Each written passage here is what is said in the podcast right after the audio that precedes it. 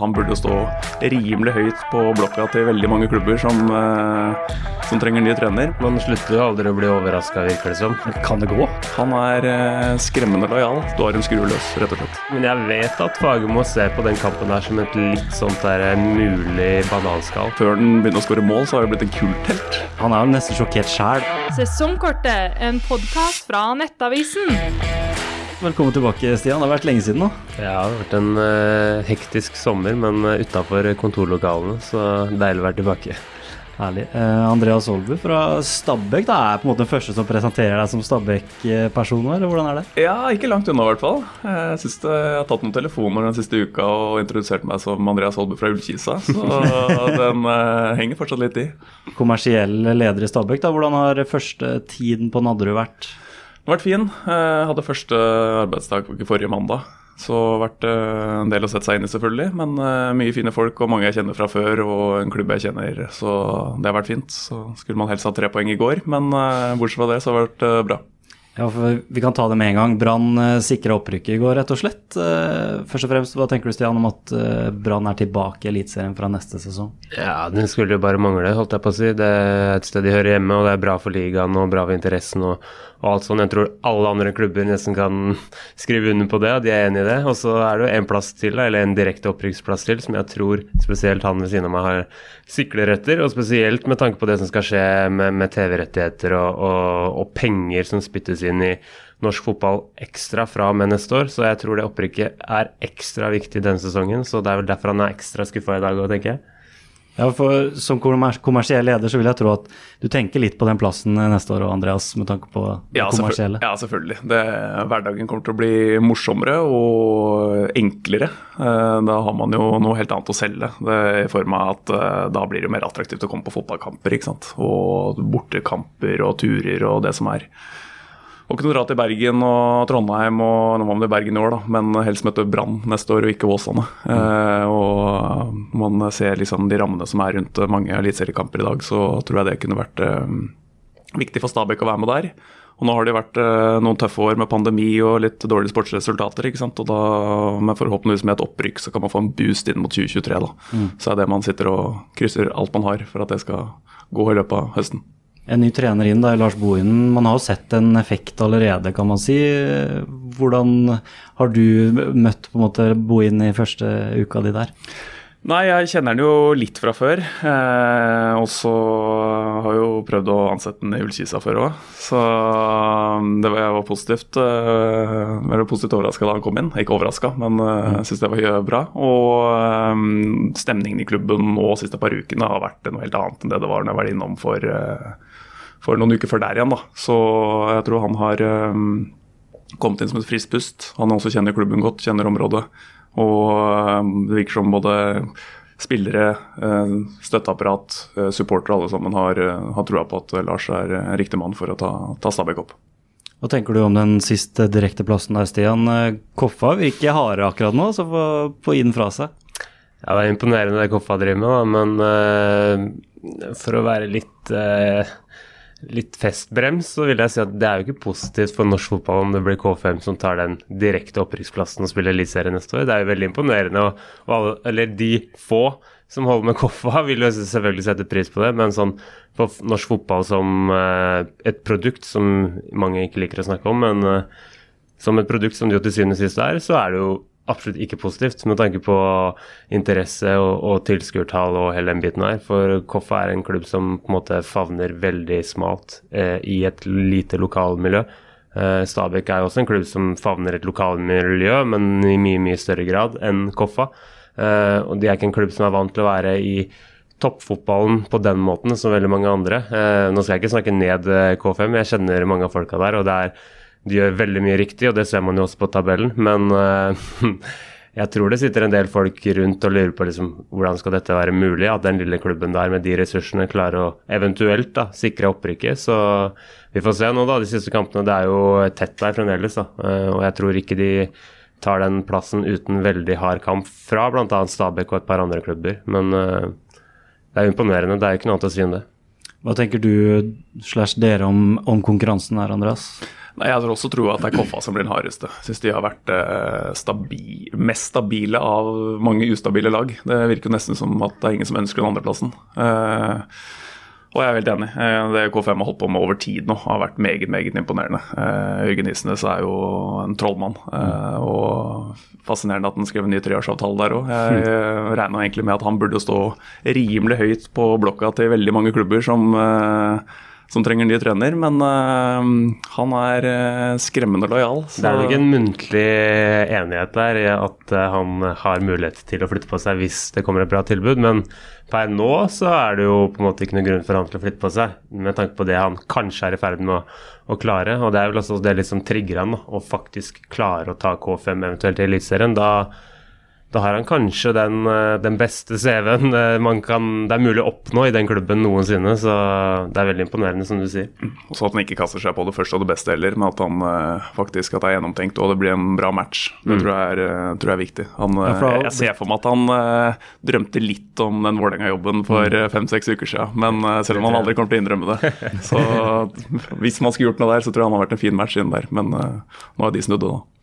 Ja, for vi går rett til Vålerenga, vi, og Intility. For i helga så snakke om et norsk produkt, da. Det, det som ble vist der eh, Dere var der begge to, sånn jeg skjønte det. Eh, Hva, hva så dere, Andreas, først?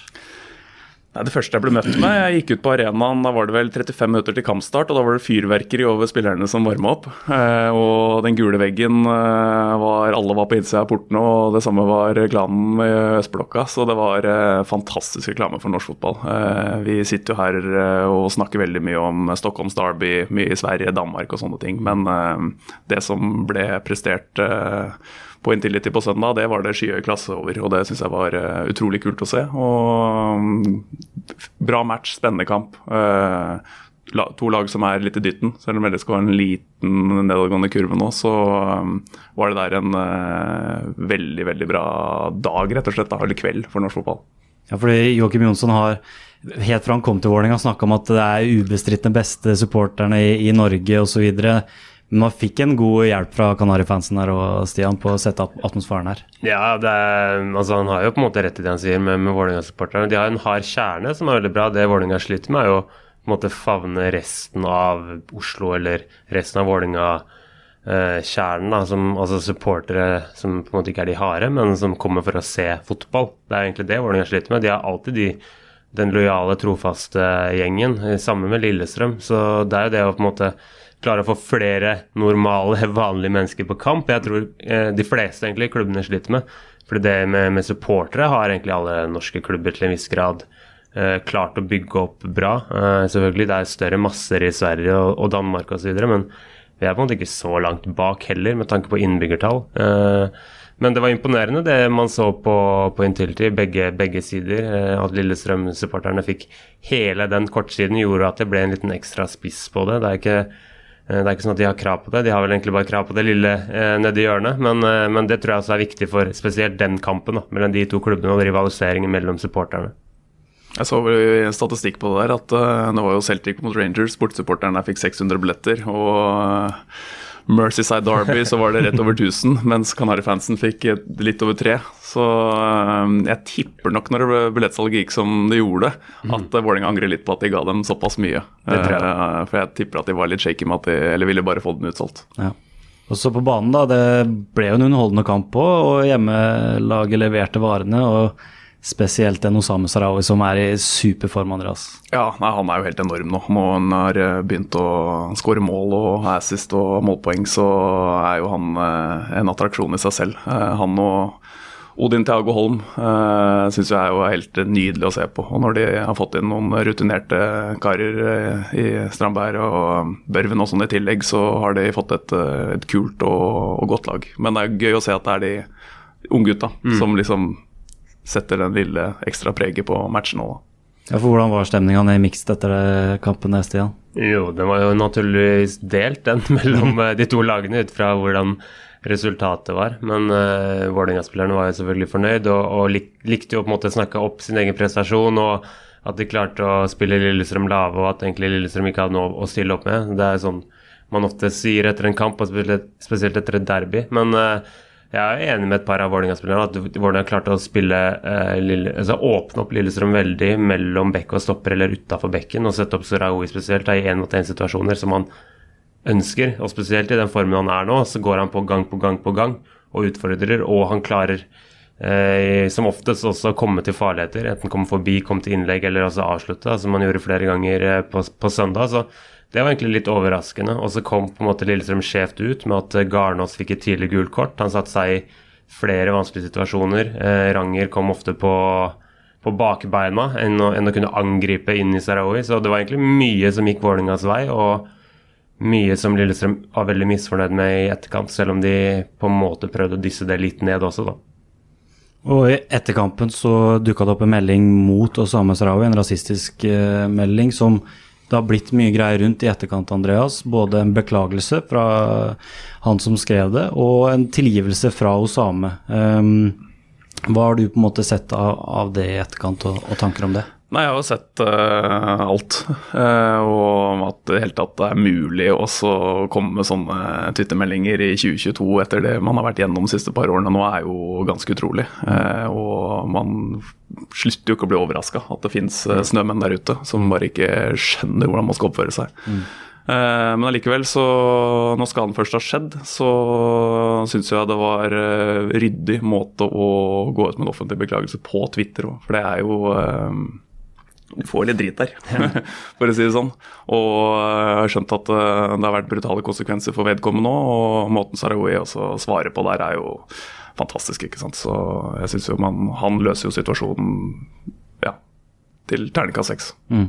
Og det er, det er, jo ikke den eneste som har vært i det siste av den type. Både Kasper Vikstad fikk en melding mot seg, og så har også Rosenborg eh, eh måtte på en måte si til supportere etter en pride-markering på sine Facebook-sider man ser liksom at det, det, det skjer fortsatt, da, som Andreas sier, at hvordan er det mulig måte, etter alt det man har opplevd i det siste? Ja, det, man, det, er jo rart. Man slutter jo aldri å bli overraska, virker det som.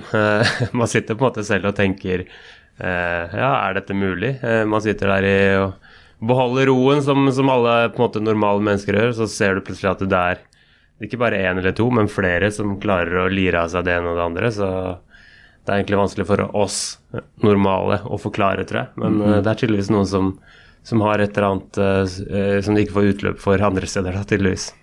Ja, så er det fotball er følelser osv., men det må da komme til et punkt hvor på en måte man må klare å legge det til side. Ja, og punktet går jo på de tre casene mm. du nevner nå. Mm. Eh, jeg synes når man eh, Er man fotballspiller, om man er trener, om man er leder eller journalist eller hva det er, så er man i en eh, bransje hvor som sier at det er, det er mye følelser. Da, må man, da er man en offentlig person og må tåle mye drit.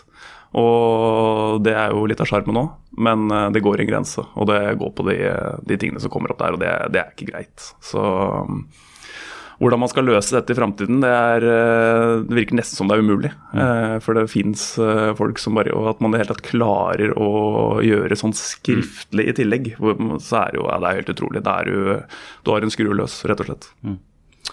Vi må gå videre, gutter. KBK har vært nede i sumpa lenge. Men nå begynner det å virke som at Christian Mikkelsen kan uh, klare det umulige. Hva tenker du om uh, det de slo Sandefjord 3 igjen da, nå i helga? Uh, nå begynner det plutselig å se litt lyst ut? Ja, jeg gjør det. Det er, hadde jo vært the great escape. Og Kristiansund har jo det de har fått til der de siste ti årene, er jo helt fantastisk måten de bygd klubb på. Uh, Ut ifra forutsetningene. Så hvis de skal berge den plassen der nå og bli i den øverste divisjonen, så tror jeg nok det står svært høyt på lista til eh, Christian Michelsen, Kjetil Thorsen og resten av gjengen der oppe. Kan det gå? Nå har det iallfall litt los på den eh, kvalikplassen, eh, så ja, det kan jo faktisk gå. Man ser jo i norsk fotball at får du en run da på en, en del kamper med gode resultater. Vålerenga er jo et eksempel på det, selv om det på en måte er en, en annen situasjon igjen. Men de var jo nede i sumpa der òg tidlig.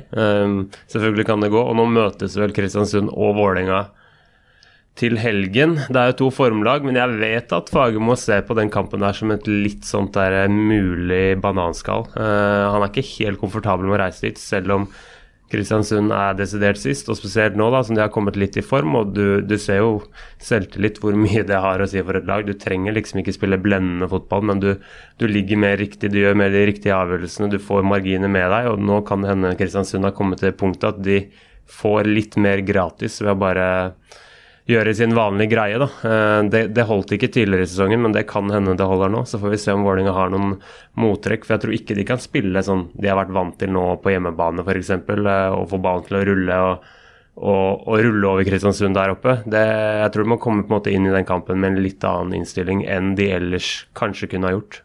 Ja, for det er, det er et ekkelt sted å dra på en måte når du trenger en seier, eh, Kristiansund. Ja, det har jo vært det. Og nå har de fått en liten boost òg. Det er jo sånn ingen forventer egentlig at de skal berge plassen. Så nå tror jeg liksom de tar uh, ting litt som det kommer, og senker skuldra litt og tar alt som en bonus. Så mm. Mm. Det, det, er litt sånn for de og Jerv, uh, som egentlig har vært fortapt ganske lenge. Og så var det jo en livsviktig seier for Sarpsborg nå, da, som også har jo hatt en stø kurs nedover.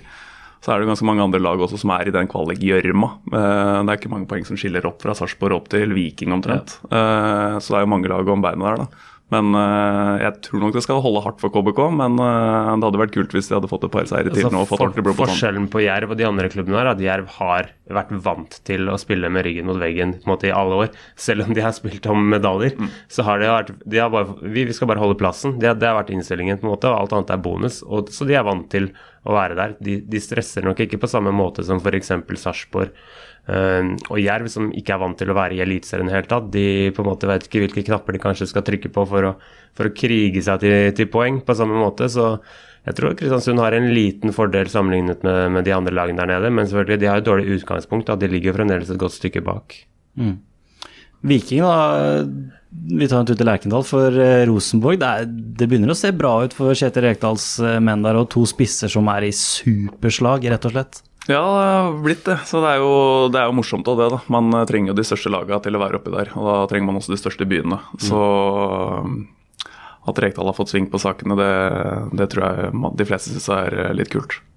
Ja, 4-1, da. Det, det, ble jo en overkjøring etter hvert. Gikk rett i strupen og, og ga egentlig Viking aldri noen sjanse. Ja, det er på en måte de to spissene da, som alle prater om, Tengstedt og, og Sæter, som har funnet uh, Kjemien eh, virker som både på og utenfor banen, fikk jeg med meg et eller annet sted. Eh, de har blitt kompiser òg, visstnok, eh, og bor rett ved hverandre. Så, så, det er positivt for Rosenborg.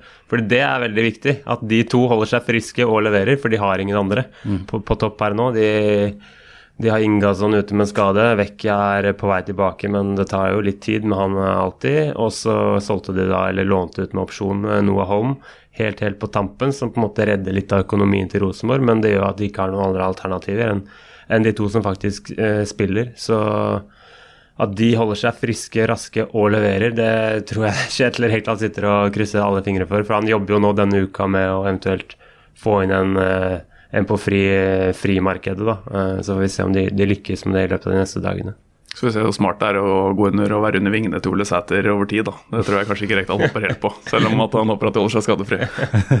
Men som en kommersiell leder av Andreas, eh, Ole Sæter må jo være en drøm for en eh, sånn type eh, klubbleder? Ja, han har jo gjort alt riktig her på. Han, før han begynte å skåre mål, så har han blitt en kulthelt. Det er jo helt utrolig hvordan han har fått det til. Han var jo så sent som i fjor høst, så var han i Ullkisa ja. og var skada. Og tenkte liksom hva, hva skjer med Ole Sæter, liksom. Hadde vi hatt han så hadde vi jo berga plassen, og vel så det. Og så var han skada og surra bare rundt på SM, og nå er han en av eliteseriens heiteste spisser. ikke sant? Så det har snudd fort. Hører altså han, i, han har en ekstremt dårlig kontrakt, visstnok i Rosenborg, som han nå prøver å på en måte forhandle opp eller få et tilbud, en nytt tilbud. så han har vel gjort seg fortjent til, eh, til, mer i lommeboka, så vi ser om de kommer til enighet. Fordi han er visst ikke fornøyd med den kontrakten han har nå, har jeg skjønt. Ja, for han, han har fortalt selv, og, eh, med tanke på utlånet til Ullkisa osv., eh, at han er jo nesten sjokkert sjæl over hva som skjer. Eh, hvordan var det på en måte å ha han i, i, klubben når han var, der den lille perioden? Den prosessen begynte ganske tidlig, da han havna ganske langt utafor i Rosenborg. Og så Da vi henta han, så lå jo vi på Da var vi topp seks og henter Ole Sæter. Og så klarer vi å ryke ned. Så det sier, det sier jo sitt. Men han i bunn og grunn så er han bare en fantastisk fyr. Og en veldig snill og god gutt. Og så er han jo en karakter uten like. Eh, jeg eh, henta han jo eh, hjemme hos seg og tok meg på første trening. Og da hadde jeg bare, bare pratet med meg på telefon. Og så tok det vel ti minutter, så mente han helt oppriktig at han blir skuffa hvis han den dagen han er ferdig med fotballkarrieren sin, hvis han har hatt en dårligere karriere enn Erling Breit Haaland. og da blir han henta av Andreas Aalbu og på vei til Jessheim for å spille i Ullkisa i en alder av 25. Så det har ikke noe å si på selvtilliten hans. Nei, men da, nå er du i ferd med å levere en strålende sesong. da. Det må ikke glemme. Elleve mål på ti starter. Det, det lar seg høre, det.